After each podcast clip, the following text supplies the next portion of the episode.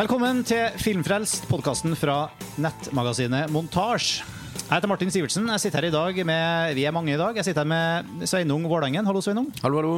Og uh, Lars Ole Kristiansen. Hei. Karsten Meinick. Hei, Martin. Og Tor Joakim Haga. Hallo, hallo. Alle fra Montasj. Vi skal snakke om eh, Steven Spielberg sin eh, nyeste film, som ruller på kino i disse dager. Den heter 'Bridge of Spice'. Og nå har også Steven Spielberg laga en film satt til den kalde krigen. Fra Hans forrige film var jo 'Lincoln', så han har beveget seg eh, ganske langt. Han har gjort et historisk sprang. Tor Joakim, det er jo ikke så fryktelig ulike filmer, selv om de har helt forskjellig setting og kontekst og handling. Nei, Det er det som er litt, ja, litt spesielt. Ikke sånn voldsomt spesielt, men vanligvis så veksler jo Spielberg mellom type prosjekter han gjør. Altså han gjør gjerne en sånn eventyraktig film, og så går han tilbake og gjør noe historisk drama eller noe sånn seriøst karakterdrama av noe slag. Og så bytter han på litt sånn, gjerne innen ett og samme år og noen ganger, med noen sånne voldsomme kontraster som vi jo alle kjenner til. Uh, Jurassic Park og Schindlers liste er det ultimate eksempelet. Ja, og War of the Worlds og München også. Ja. Selv om de nesten Altså, War of the Worlds uh, Det er jo ikke akkurat en uh, Det er, det en popkornfilm med en, en, ganske dyster karakter, da. Ja, ja og seinest også for så vidt med Warhorse og Tintin, som også har et spenn. da men, men nå, ikke enspora. Han er ikke enspora, men nå er det liksom litt sånn at han vet ikke om han har behov for å liksom utforske en del sånne i hermetegn voksne temaer sånn på denne delen av sin karriere. Da. At han går liksom fra Lincoln, som er en sånn ikonisk amerikansk figur, til en, en, om ikke en ikonisk amerikansk figur i Bridge of Spice, så i hvert fall en, en hendelse som er, som er, veldig sentral. Da, og som er helt, alt er helt realistisk. Så det er jo litt spesielt. Det er spesielt. Karsten, eh, Spillberg lager jo eh, som regel gode filmer.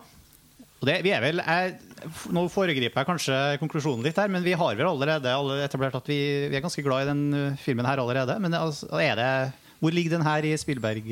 sin ja. Filmografi? Ja, jeg har også hatt gleden av å se den to ganger. Jeg tror jeg er den eneste her som har sett den to ganger, faktisk. Jeg så den jo med deg, Martin, og det var jo veldig fint å se den om igjen, syns jeg. Og det hjelper jo litt når man skal svare på det spørsmålet.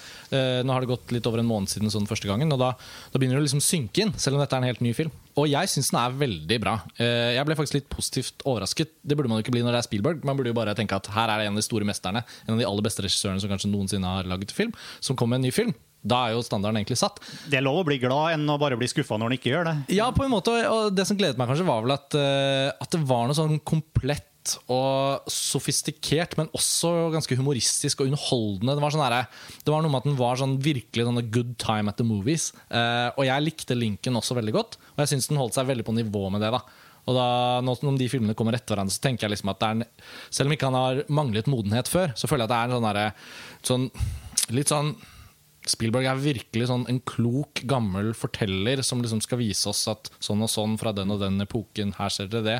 Og også de grunnleggende temaene i Bridge of Spice hadde jeg veldig sansen for. Så for meg var det helt supert, egentlig.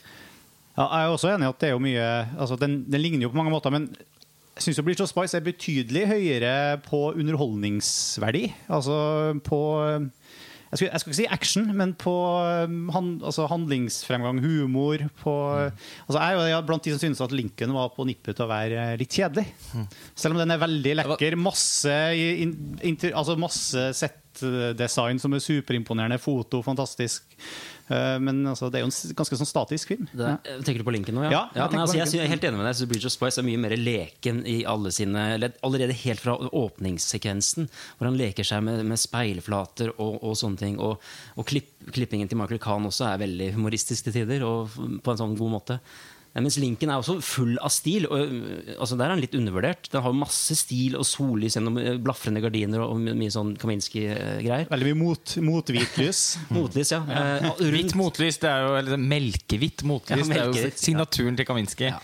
Så, så den, den, har så mye Men Bridge of Spice er liksom litt mer sånn Nå leker vi oss litt med, med, med realisme nå, da. Den har jo et helt annet tempo, et annet lynne enn en Lincoln. Den kan jo nesten til dels minne vel så mye om Tintin-filmen til Spielberg som eh, som Lincoln. Samtidig som det også er en distinkt amerikansk fortelling, eh, og med et nokså tydelig budskap som på en måte er litt sånn skåret ut i papp. Og det er jo typisk for Spielberg, eh, og Spielbergs kritikere eh, vil jo alltid trekke fram det som en, som en betydelig svakhet også ved de beste filmene hans. Eh, nå er ikke nødvendigvis Bitch of Spice eh, altså, Den er ikke en av de aller beste filmene til Spielberg, eh, men han er jo også sin egen verste konkurrent, så eh, det, man kan ikke eh, Man kan ikke forvente at de filmene at, at han hele tiden skal overgå seg selv, men eh, jeg hadde også veldig, veldig, veldig stor glede av Bridge of Spice. Eh, en, definitivt en av de amerikanske filmene som jeg har likt best i år. Og det handler nok hovedsakelig om at jeg syns at den eh, Jeg, jeg syns at tematikken eh, er veldig betimelig. Eh, I den verdenssituasjonen som vi er i nå, så syns jeg faktisk det er fint at man lager en litt sånn gammeldags, eh, klassisk amerikansk film om betydningen av forbrødring og dialog. Det er jo en antikrigsfilm, faktisk. Ja, og den er det på en Eh, litt sånn Frank Capra-aktig måte. Eh, Castingen av Tom Hanks Sjelden sett Tom Hanks så god som i denne filmen. Og han er castet i en sånn klassisk sånn Jimmy Stewart-rolle. og det er, spilt veldig god Mark Rylance, da. Eh, ja, han er jo også kjempebra. Som gjør Tom Hanks enda bedre enn enn han kanskje er. Ja, det er et veldig godt samspill mellom de to. Og så syns jeg at filmen har en, et overskudd i det, i det visuelle og en, altså en idérikdom i iscenesettelsen sin, og spesielt kameraarbeidet og klippingen, som jeg bare ble helt slått i bakken av. Men. Den første halvdelen av filmen syns jeg var så eh, virtuost laget at jeg nesten syntes det var slitsomt å se på. Eh, men med veldig sånn positivt fortegn. Jeg vet jo dog at ikke absolutt vi er vel ikke helt enige om filmen alle Vi har sammen. én person Sveinung er vel djevelens advokat. eh. Ja, Det er jo greit å begynne med det positive, så jeg har eh, lent meg tilbake og hørt på hva dere har hatt å si. Um, og jeg er jo ikke noe spesielt fan av Spielberg, selv om hvis jeg går gjennom filmografien hans, så ser jeg at det er mange filmer han jeg setter veldig pris på. Men uh, uh, det er også noe med det, altså det, grunnleggende i hans måte å lage film på og formidle en fortelling på som jeg har veldig problem med. Og det handler om det sentimentale og det eh, Det handler om det Altså, det å altså i, I møte med historie da, så føler jeg at han ofte eh, banaliserer ting og, og gjør det på en måte som blir veldig eh, sånn innstendig, for å liksom fortelle oss at det, dette er liksom Uh, dette er viktig, dette er min Uh, Nå skal jeg liksom være den formidleren av denne historien. Det er jeg som har tatt på meg den oppgaven. Og måten han gjør det på, uh, har jeg veldig problemer med. Da. Men Altså at penselen er for bred? ja, den er jo det. Og noen ganger så tenker jeg at jeg liker Spielberg best når han er på den mer nedtona, f.eks. i eh, München, som jeg liker veldig godt. Men, men når det kommer til stykket, så liker jeg han kanskje best som en sånn underholdningsregissør, hvor jeg føler at det blir litt mer ærlig, det han holder på med. Um, men jeg ble faktisk litt skuffa sånn over Bridge of Spice. For jeg hadde litt høye forventninger, til tross for at jeg ikke er en kjempe-Spielberg-fan. Jeg håpa på noe lignende München. Og jeg er enig i at første halvdel er veldig underholdende og eh, til dels ganske spennende. Det er, noen, det er noen veldig flotte sekvenser i denne første delen. Har vi egentlig ikke snakka om så mye om hva den handler om, men Det må folk finne ut sjøl. Vi, får- vi forventer Ja, ja. at folk nesten har sett filmen egentlig, når vi, i sånne episoder som det her. Men, eh, Ja, i hvert fall så er det en eh, Det er en sånn forfølgelsesscene i starten som, eh, som jeg syns eh, var veldig flott. Hvor, det er, hvor, det er liksom, hvor Spielberg er på sitt beste. Hvor det er sånn ja, eksempel en, en scene hvor eh, man forventer at du nå har nå er det en person som har rista det andre av seg. Plutselig så er det noe som dukker opp igjen. Og ja. En paraply. Det ja. en helt fantastisk scene. Kanskje Ja. den aller beste scenen i filmen. Ja, og det er mange gode enkeltscener, syns jeg. Men jeg, jeg kan ikke helt forstå deg da, Lars Ole, som ble helt slått i bakken av hvor fantastisk visuelt dette var. Fordi, altså Med tanke på alle disse dialogscenene og sånn, hvordan de er løst, så er det, det kunne vært gjort mye mye kjedeligere. Det er jeg helt enig i. Ja, Det, er Men- nesten- det fins nesten ikke shot reverse shot i filmen. Nei, men, men likevel så syns jeg det ble altså så mye dialog og prat og Um, Men altså, Jeg i, syns ikke det. altså Det er jeg uenig i. Eh, For det første så begynner jo filmen med en ti minutter lang sekvens helt uten dialog. En sånn forfølgelsessekvens.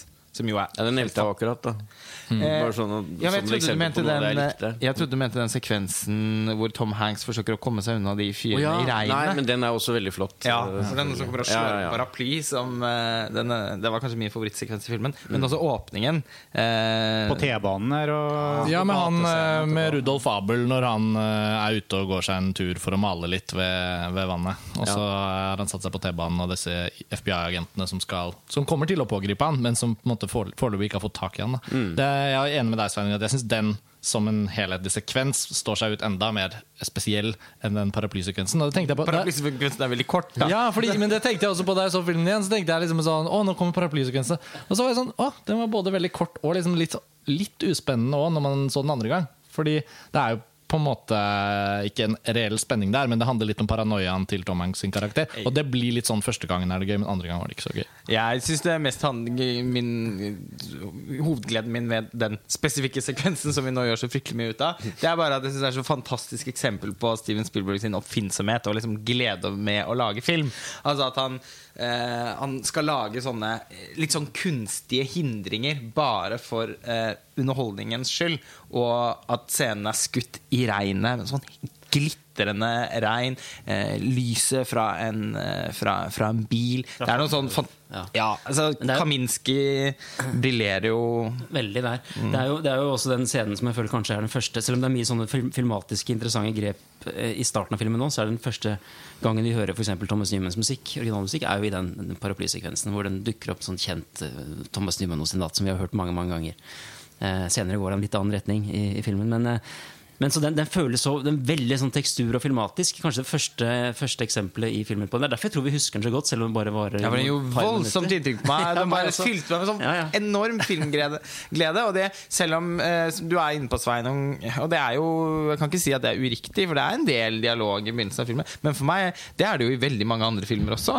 Og jeg syns dialogen jevnt over i denne filmen er utrolig mye mer dynamisk Mm. iscenesatt og skutt enn det jeg er vant til å se i kommersiell Ja, film. og det, og det er klart, og det syns jeg var eh, fascinerende med Jeg følte at det var en tematikk i seg selv i filmen. Og måten, altså, måten man snakker sammen på, måten man bruker retorikk på for å liksom komme fram til en løsning i en konflikt. og sånn Og jeg, Den tematikken kunne jeg sette veldig pris på egentlig i filmen.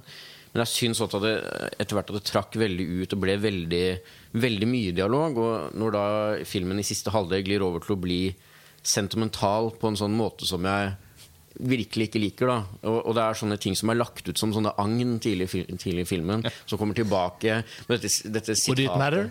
Ja, ikke sant? Som, som ble dratt kanskje litt for mye. Ja, og det Veldig morsomt første Det gangen. er Hver gang eh, Tom Hanks spør denne spionen om han ikke er bekymret for sånn og sånn, så svarer eh, Mark Ryland spiller jo den rollen utrolig bra, må jeg si. Og så svarer han da hver gang Would it matter? Would it help? Would it, ja, sorry! Would it help, ja. ja, Would jeg syns help? ikke det var morsomt, jeg. Og det er klart Hvis man syns det, så er jo det helt Gim topp. Men Gimle-publikum jeg satte veldig pris på det. Kan jeg rapportere om? Men du er jo eh, Cohen, den store Cohen-brødrene-entusiasten blant oss her, Sveinung. Mm. Eh, hvordan føler du at de har farget filmen? Da må det sies at de hadde vært inne og, gjort eh, manusarbeid på et originalmanus. For de som Ja. ikke vet det. Så Ja, Coen-brødrene men har jo satt sitt stempel Men en veldig tydelig signatur. Veldig tydelig signatur, ja. Syns jeg òg. Men ja, jo. Eh, I noen scener så følte jeg det. At det var eh, Hvordan skal jeg forklare det? Det er noe med deres måte å eh, eh, skrive inn noe i historien på. Altså små øyeblikk eller eh, ting som får lov til å liksom strekke seg ut litt. Og viser seg å ha en, eh, ha en eller annen form for større betydning enn bare det man ser. Eh, altså det her med denne scenen hvor Tom Hanks møter disse eh, menneskene langs eh, muren, og han gir de frakken sin og det her. Som ikke blir liksom sånn overforklart, egentlig, men som man skjønner liksom, hm, her ligger det noe En slags symbolverdi som ikke blir for overtydelig heller. Og, det var noen andre sånne sånn morsomme øyeblikk. Eh, dette møtet med noen sånne familiemedlemmer. Ja, det var akkurat det jeg skulle til å si. Jeg tror det er Cohen-brødrene. Og det er det, Ja. jeg- kanskje mitt minst, det jeg likte minst i filmen, det var det øyeblikket der. For det var så corny, og det var så quirky, og det var liksom Det var, ikke helt Passa ikke helt inn, følte jeg. Nei, det stakk seg den, det, det stakk litt for meg, og den Det er nesten scenen litt for morsomt. Men, Ja. Eller men, sånn, sånn eh, påtvunget morsomt. det, det er et interessant poeng, for jeg har aldri syntes at Spielberg er, er, um, er god på komedie. Altså sånn, Når han prøver å være morsom. Han er ofte morsom i sin stil og sine, sine grep. Men uh, altså, komedieaspektet av 1941 er en grusom film. ikke sant? Han, han klarer ikke helt det der Jeg syns han klarer det veldig godt i Indiana Jones-filmene. Den, den måten å være morsom på. Ja, men det det er noe Ja. Den er lekne morsomme med, med stil og form og alt dette her. Da er han kjempemorsom. Jeg er i utgangspunktet veldig enig med deg, men det må sies at Catch Me If You Can er en virkelig morsom film også på sånn eh, Ikke bare i liksom, iscenesettelse og, eh, og morsomme løsninger i, i selve filmskapingen. Den, den, den, den er jo bare morsom. Men for å si en ting til om humoren i Bridge of Spice, så syns jeg at det eh, fortellingen også prøver å gjøre, midtveis i filmen, når de er i Berlin der, den prøver faktisk å si noe om Øst-Tyskland, på en måte. Eh, og det er vel et sted hvor de ikke helt lykkes. Fordi jeg har ikke så store problemer med humoren. Altså jeg synes for eksempel, Det er ganske gøy, men det er mest fordi jeg synes Tom Hanks sin reaksjon er ganske godt spilt. da At liksom han bare Nei, men ok, greit, her, her, har, vi med, her har vi å gjøre med liksom en slags sånn tullestat, hvor, hvor uh, deres uh, narrespill er så åpenbart at at disse må snakkes til på en helt egen måte. Så må man på en måte huske på hans rolle som tidligere forsikringsadvokat som spiller inn. Da. Og det er jo en scene veldig tidlig i filmen, han, det er hans første scene i filmen faktisk, hvor han eh, forklarer at det er bare én ulykke som har skjedd, til en som skal liksom forsvare noen folk som skal ha penger fra dette forsikringsselskapet som han representerer. Som vi mener, men det er fem ulykker, det er fem stykker som ble rammet. Nei, men det var bare én hendelse. Det var one, one, one. Uh, og, og dette det er en av de tingene som planter stil i filmen som jeg synes får en fin funksjon senere. Så, så jeg synes Tom Hanks' rolle i den humoren er ganske interessant. Men eh, manuset og da kanskje disse påfunnene til Coen-brødrene, men også hvordan Steven Spielberg gjør det. Hvor de prøver å si noe om hvordan Øst-Tyskland, som ønsker å ha en slags anerkjennelse som en egen nasjon, men som USA ikke vil anerkjenne, og Sovjet på en måte bare vil kontrollere, der, der liksom tar han et steg ut for å prøve å si noe om et ganske stort tema. Men jeg kan se at mennesker som har levd i Øst-Tyskland og ser denne filmen, kan kanskje ikke helt føle at, at de ble At de godt, ble godt, sett? godt tatt hånd om, eller sett. Uh, det tenkte jeg på i går da jeg så den igjen. At Ble jo snarere er- gjort litt narr av. Ja, og der har filmen en svakhet, syns jeg, som handler om at uh, hvis du prøver å begynne å fortelle om noe, så må du vite at du kan liksom fullføre det på en Ja, ordentlig jeg er måte. helt enig. Uh, så når du snakket innledningsvis om dine innsigelser, Sveiner, så kjente jeg at jeg, jeg forsto de litt bedre da jeg så den andre gangen. For jeg føler det er der det sitter. da Mm. Det er ca. midtveis i filmen. Og så, ja. Ja, men det er, og det er vanskelig å se bort fra det også, når han først har liksom valgt å lage en film om, om dette. Og liksom den historiske perioden. Og, Og U2-flyet, som også kommer inn i den der gisselsituasjonen. da. ja, Også en helt utrolig scene i filmen. da ja, når han blir skutt ned. Oh, ja, ja. den var helt fantastisk. Jeg er enig, da.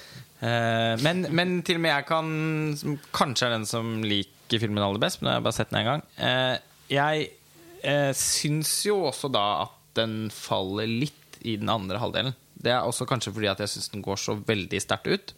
Eh, og det går litt utover man, Altså sånn eh, Det er ikke Veldig ofte er Spielberg bedre enn, de, enn materialet han jobber med.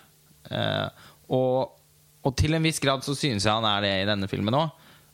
Og i takt med at materialet detter litt, så er det akkurat sånn her at han også detter litt. Altså I den andre halvdelen av filmen, hvor som, som er van Jeg tenker at det er bare, den er mer utfordrende å løse filmatisk. Hvordan man skal få det til å bli like drivende og, og ha den samme som musikaliteten egentlig som den første halvdelen av filmen har, når han drar til Øst-Berlin.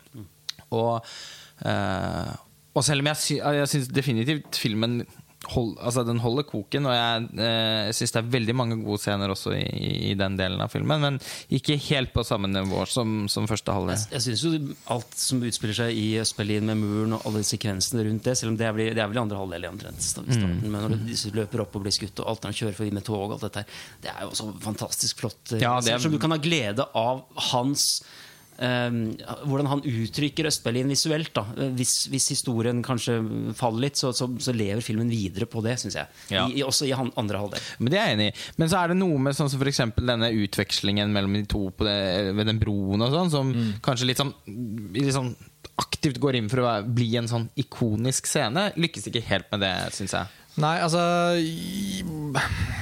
Ja, jeg syns jo det var en ganske bra se- Eller jeg har ikke noe, inns Nei, jeg har altså, ikke noe innsigelse mot sluttsekvensene, egentlig. Nei, ja, men Jeg har heller ikke noe innsigelse mot sekvensen. Nei. Jeg bare føler altså sånn, Det Det er er en der det eventuelt X-faktor. sitter, liksom. Ja, det er Ja. ikke et siste løft. Nei. Man, det er kanskje det at filmen mangler litt et sånn siste løft. Jeg tror, har jo et siste, løft på, helt på slutten. Skal kanskje ikke komme med noen spoilere. Sånn. Nei. Eh, men Og det er jeg selvfølgelig enig i, for jeg syns den aller siste delen av slutten elsket jeg.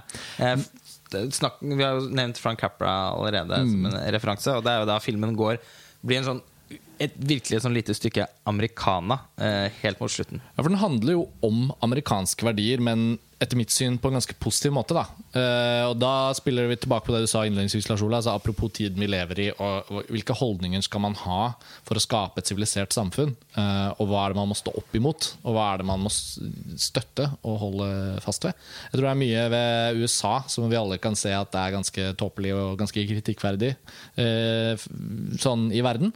Men den grunnleggende troen på rettssystemet, og, og i denne filmen da, eksempler på at dialog og det å på en måte kjøle ned eh, et eh, konfliktfylt, eh, en konfliktfylt situasjon fremfor å varme den opp, det, det er jo rett og slett et veldig bra budskap. Og jeg syns måten filmen avsluttes på helt i det siste, er veldig god. Men nå som vi har vært inne på noen innsigelser, så tenkte jeg at det kunne vært interessant å bare liksom si det litt sånn bredt og strukturelt. Da. Så kjenner jeg på at måten fortellingen er lagt opp på, og det går på manusets struktur og hva Spielberg har valgt å ta med og ikke ta med, og hvordan den er klippet og sånn, så føler jeg at når Hanks er i Berlin, så gis han ganske mange eh, ting å forholde seg til.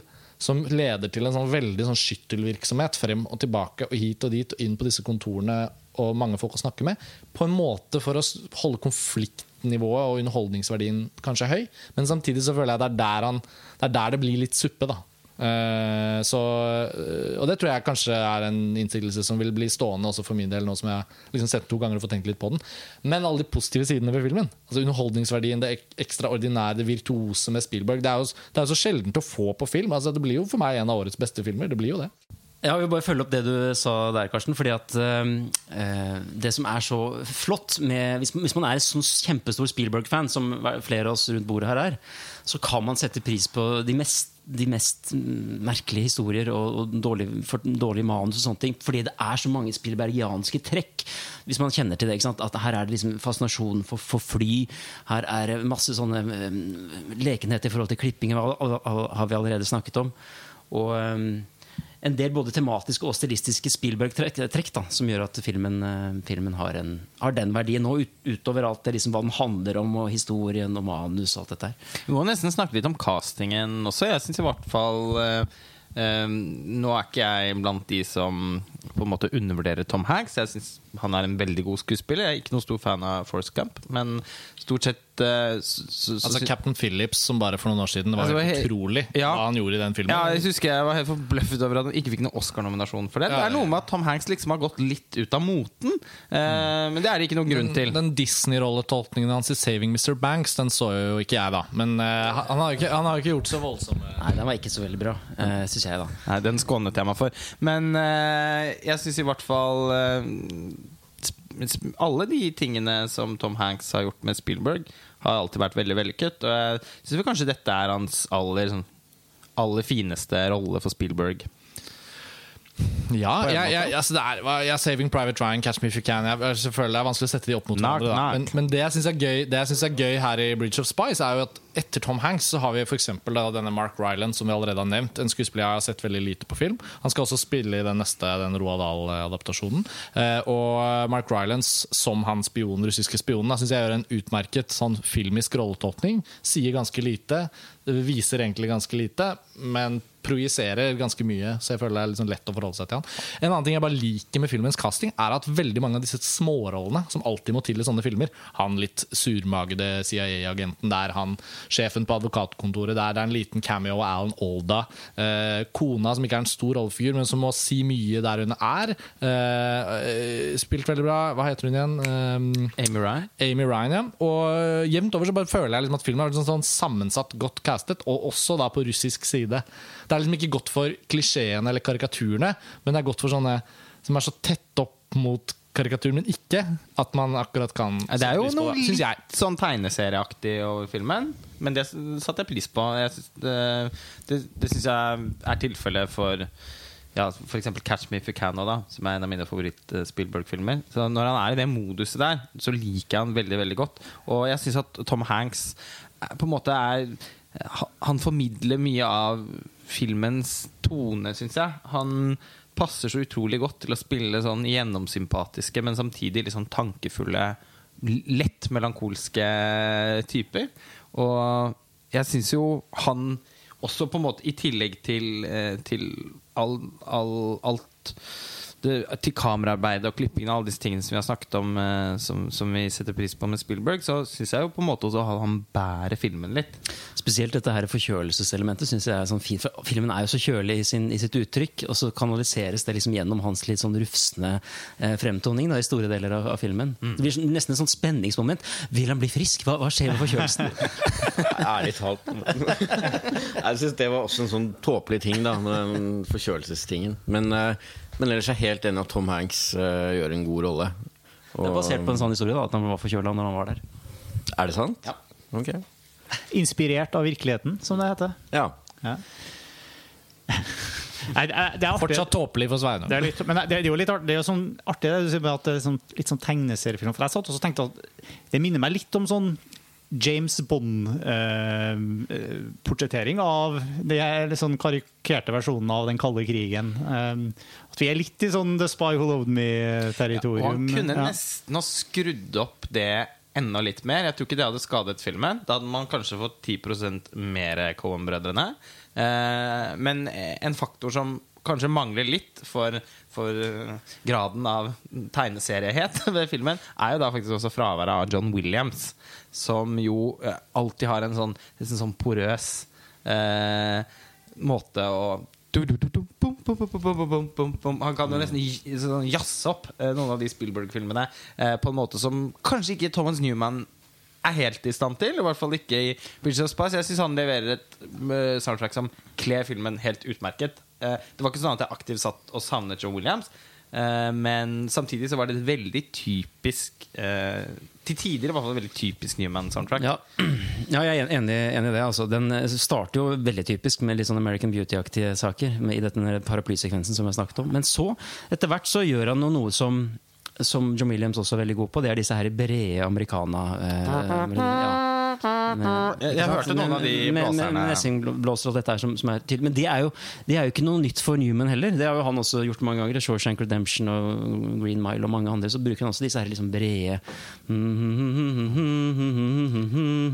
Ikke sant? Sånn, veldig sånne Ja. så, så det er ikke Også, bare Men så har han liksom de signaturlinjene. pianoet, pizzacattoen, Ja, ja. alle de tingene. Ja. Som, som det også var flust da i Bridge of Spice. Og fordi jeg setter pris på Thomas Newman som komponist, så, så, så var jo det noe jeg gledet meg over. Jeg synes det, som sagt, så syns jeg det kledde filmen. Men jeg savnet kanskje den lekenheten som John Williams kan by på da når han er på Mm. sitt beste. Ja, nei, ja, ja, jeg er enig i det. Jeg, jeg tror han, Newman ble spesielt castet for, for denne filmen, i hvert fall ifølge Spielberg selv. Uh, så ja. Kan jeg spørre deg om en ting der, Tor Joakim? Altså, John Williams er jo en gammel mann. Eh, la oss bare håpe han, han blir eksepsjonelt gammel og får komponert utrolig mye mer musikk fra nå og fremover. Men når Spielberg eh, en dag blir tvunget til å liksom, velge seg en ny komponist, tror du han kommer til å holde seg til én fast da? Liksom, er det blitt Thomas Newman nå, eller er liksom tanken kanskje at han da vil velge og vrake litt nå som ja, Uten å snakke om på en måte, Uten å bli morbid her, da. Så, så det må jo være noe som det snakkes om, og du er jo John Williams-ekspert. Nei, altså Heldigvis så skal John Williams eh, nå gjøre BFG, eh, og skal gjøre Spielberg så lenge han orker og klarer. Altså Big Fucking Gun, ja, ja, ikke som det heter i eh, Doom. Ja. Eller Duke Nukem. Nei, så Han skal jo heldigvis eh, fortsette en liten stund til. da Hvis han blir like gammel som mora si, så blir han nesten 100 år. Så det, vi får håpe på det. Ja, nå skal jo også Spielberg eh, øke tempoet ettersom datteren hans, den yngste Ja. datteren hans har begynt på college. Så har han, han har jo sagt at det er noe av årsaken til at det har vært eh, noen sånne intervaller litt, litt lange intervaller mellom filmene hans de siste ti årene. Men at han nå eh, skal lage minst én film i året i mange mange år fremover. Ja, men bare for å svare på det spørsmålet du stilte, Karsten. Så på 90-tallet så sa Spielberg at han kanskje ville brukt Hans Zimmer, faktisk. Hvis, han, hvis, hvis John Williams ikke var tilgjengelig, og eh, Zimmer var jo involvert i Dreamworks eh, osv. Så, men jeg tror han, helt riktig, jeg tror han kommer til å bruke forskjellige komponister og skreddersy de etter, etter filmene sine, når da ja, i bordet, John Williams ikke lenger er tilgjengelig. En som føles åpenbar for meg, er Alexander Desplat. Fordi han ikke hoppe Alexander Desplat. Nei, jeg vet at du misliker han, tror jeg ikke, men jeg syns også han kan være kjempekjedelig. Men, Men- det skal sies at det er veldig få komponister i dag, av de nye komponistene som jeg syns har såpass mange åpenbare fellestrekk med John Williams. Eh, det er jo spo, altså, hva for noen passasjer fra hans eh, soundtracks som jeg nesten syns høres ut som John Williams-pastisjer. Mm. Uh, Birth, for eksempel. Bam, Ja, jeg- Williams-aktig. Jeg syns det høres riktig ut av Spielberg og kanskje tenke at han kan, eh, når den tid kommer, da, for å avslutte dette, eh, tenke litt ja, utenfor boksen og bare eh, jobbe med forskjellige typer komponister. Sikkert ikke så dumt av han å jobbe med yngre komponister også, som kanskje kan bringe noe nytt til eh, bordet der. Og Michael Kahn også er jo ikke noen ungfole lenger. Klipperen. eh, Michael Kahn, Han er vel eh, 80 eller noe sånt? er ikke det? Er han så gammel? Så jeg tenkte å melde meg til tjeneste da, og flytte over til Los Angeles og si at ja, nå har jeg klippet litt i Norge. Så da tenkte Det er fascinerende hvordan Michael Kahn og Steven Spielberg har jobbet på, altså sammen i nå 30-40 år. Eh, og Og det er bemerkelsesverdig hvor godt klippet Bridge of Spice er. Det må jeg faktisk si Det var en av de fagområdene ved siden av Kaminski som er så åpenbar, fordi han bare er liksom han har jo kontrollen over bildene, så der er det jo veldig synlig. Men altså, det er noe klippearbeid i Bridge of Spice som er bare så kult og så elegant og så lekent. Det er sånn i rettssalen All rise! Og så klipp til klasserommet hvor alle elevene reiser seg for å si den derre Hva heter det? Erklæring Pledge of Allegiance eller et eller annet sånt. Og, da, og etter den så er det klipp til en atombombe og, og gråtende barn. Ja, det er avisen som åpner. Nei, det er så mye. Så hvis vi går, liksom, beveger oss over i en oppsummerende modus, så syns jeg også det er veldig viktig å understreke at nå har denne filmen altså akkurat hatt norsk premiere. Den skal gå på kino nå i måneden frem mot jul og kanskje litt over nyttår. Men det er jo en av de filmene som ikke lages så ofte lenger. Det er jo blitt et sånt begrep når man sier sånn "Ah, faen, They don't make him like that anymore. Og det er jo litt sånn at i Hollywood, i hvert fall den derre storproduksjonsvarianten, hvor du virkelig får valuta for pengene, og det ikke er superhelter involvert, og det er veldig lite CGI-effekter, de som er historiske filmer, da, de det veldig, går det veldig lenge For det, for det, det var det noe jeg virkelig syns altså, Den er så sjenerøs på i alle scenene. Ja, ja, ja. Alt, Den er så gjennomført, og det er, liksom, det, de, det, er spar, det er masse statister. Det er utrolig mye staffasje og bakgrunnsdetaljer. Og, um, altså, det er jo periode, det er en periodefilm i høyeste grad, og, du, og det er liksom ikke spart på kruttet noen steder. Men da. selv på Filmen dette nivået- Ut, ja. Filmen er laget for 40 millioner dollar i produksjonsbudsjett, sikkert mer i markedsføring og sånn, men, men da tenker man jo at liksom når man hører om budsjettet fra Hollywood nå til dags, så tenker man jo at Bridge of Spice faktisk er en ganske billig film. Og, og den har jo for lengst tjent inn pengene sine, og sånn, for den har gått ganske bra. Så, så jeg vil bare understreke det at jeg syns det er egentlig også imponerende rent sånn Litt sjeldent, dessverre, og ganske imponerende at filmen er såpass rik som den er. Og tror du ikke det er derfor også at den er blitt så verdsatt av uh, hans kolleger, som han vanligvis tenker kanskje ikke er Sånn som Paul Thomas Anderson, som var veldig begeistret for den. Martin Scorsese, eh, som lager ofte litt andre typer filmer. De var begge to eh, i hvert fall veldig begeistret for, for filmen. Sikkert andre også. Man skal jo aldri glemme det at Spielberg er ekstremt respektert eh, blant de fleste filmskapere. Altså Quentin Tarantino er jo kjempestor Spielberg-fan. Eh, Stanley Kubrick beundret Spielberg i Grenseløs. Bergman. Til og med den svenske Stefan Jarl, den eh, raddis dokumentarfilmskaperen, eh, eh, pleier å se åpningen på Jurassic Park fø- hver gang før han skal klippe en ny film. For å bli inspirert av klipp, klippingen til Michael Hør, Kahn. hører du, Sveinung? Alle liker Spielberg! Alle! Og Sveinung liker Spielberg Jeg litt. føler at du snakker til eh, meg, Nora Solum. Jeg har hørt, jeg har hørt denne rekka før. Vi har hatt denne diskusjonen over noen øl ganske mange ganger. Ja, men jeg, jeg, tror det, for jeg tror det er noe i det. Altså, når du sier at denne filmen er litt sånn gammeldags, stilistisk, eh, full av, av eh, litt sånn troper som, er, som er, ikke brukes så mye lenger i den sjangeren, så, så settes jo det pris på av, av andre regissører, selv om de er helt andre typer. Og så syns jeg at, uh, det, at Spielberg også har Han har et veldig sånn ty, markant autøravtrykk. Uh, og dyrker det i film etter film. Jeg, jeg så, så Bridge of Spice dagen etter at jeg så uh, The Martian av Ridley Scott, som er en film veldig mange har likt veldig godt, men som jeg var fryktelig skuffet over. Fordi jeg synes at Ridley Scott eh, Det meste av det jeg setter pris på om Ridley Scott, eh, var som rensket vekk fra den filmen. Jeg syns den var utrolig flat og, og konvensjonell. Og jeg, jeg bare følte at den ikke hadde noe å by på som film. Eh, og det føltes nesten som en renselse å se Bridge of Spies dagen etterpå, som i hvert fall rent filmatisk er ufattelig mye mer oppfinnsom og, og eh, Men du fikk litt- potent enn Litt lyst til å søke på jobb i NASA. Nei, overhodet ikke. Jeg, jeg, jeg syns den var så tørr og nerdete og usexy og umorsom eh, at jeg Skulle likt å skrevet en uh, eder og galle-artikkel om det, men det ble ikke til at jeg gjorde det. Hadde du bare vært redaktør for et filmmagasin, så hadde du kanskje hatt muligheten, men det er synd, eh, synd det, Lars Ole, at ikke du får Ja, skrevet nei, men The Marsen kan vi jo, eh, når vi skal begynne Kan vi diskutere for mot slutten, Ja, det er det jeg tenker når vi nærmer oss slutten av året årslistene skal publiseres, så blir sikkert The Marsen aktuell for noen. Ja, men det er jo trygt og godt da, som å, å vite at Spielberg, uansett hva slags materiale han takler, så, så, så, så inngår han ikke noen kompromisser med, med, med studioene. eller noen ting, sånn som kanskje man kan si Jeg likte The Marsh mye bedre enn deg, men, men Ridley Scott har, har av og til en tendens til ikke å, å få gjennom disse eh, kjennetegnene, hva heter det, varemerkene sine. Ja, altså Han kan nesten bli en sånn meteor en scène eh, noen ganger, og det syns jeg han var i The Martian. men, det, men det kan ikke Det føler jeg nesten Spielberg er Det har aldri skjedd Det har aldri skjedd. Selv i Aldri de verste filmene han har gjort, så er det liksom så gjennomsyret av hans, Ja. hans innfallsvinkel til alle mulige slags temaer. Det er Eh, all in. Det er all in, og det tror jeg jeg kommer til å se videre i, i filmene hans også. Så Einom, kanskje vil du ta en sånn avsluttende runde her, eller? er det- er morsomt da når du nevner The Martian. Jeg er jo ikke så fan av Ridley Scotts senere filmer. Og av en eller annen grunn så likte jeg den filmen ganske godt. Til tross for at jeg syns det er mye nerdete humor og uh, Ja, det var mye jeg mislikte der òg. Og jeg syns jo at det er mye flottere filmskaping i Bridge of Spice. Det har jeg ingen problemer med å innrømme i det hele tatt. Det var, det var masse jeg likte der. Men eh, jeg har behov for å trekke fram de svake sidene òg i dette ensemblet med spillburgianere.